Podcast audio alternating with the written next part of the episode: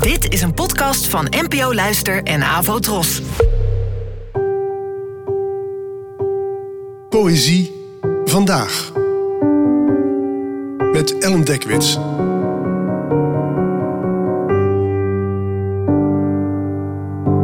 Hallo, fijn dat je luistert.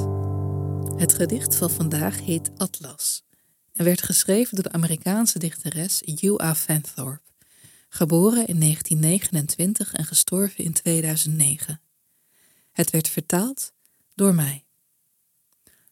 Atlas. Er is een vorm van liefde die onderhoud heet, die de WD-40 bewaart en weet wanneer het te gebruiken die de verzekeringen in de gaten houdt en de melkman niet vergeet, die onthoudt om lampen in te draaien, brieven beantwoordt, die weet waar het geld heen gaat, de tandarts regelt en de wegenbelasting en de treinen haalt en kaartjes naar de eenzame stuurt, die de voortdurende gammele, doorvrochte stijgerwerken van het leven draagt. En dat is Atlas.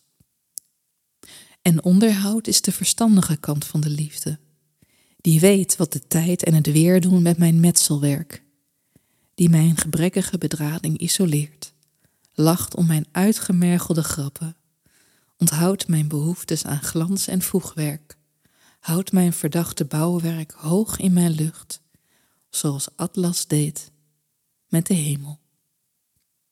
Ja.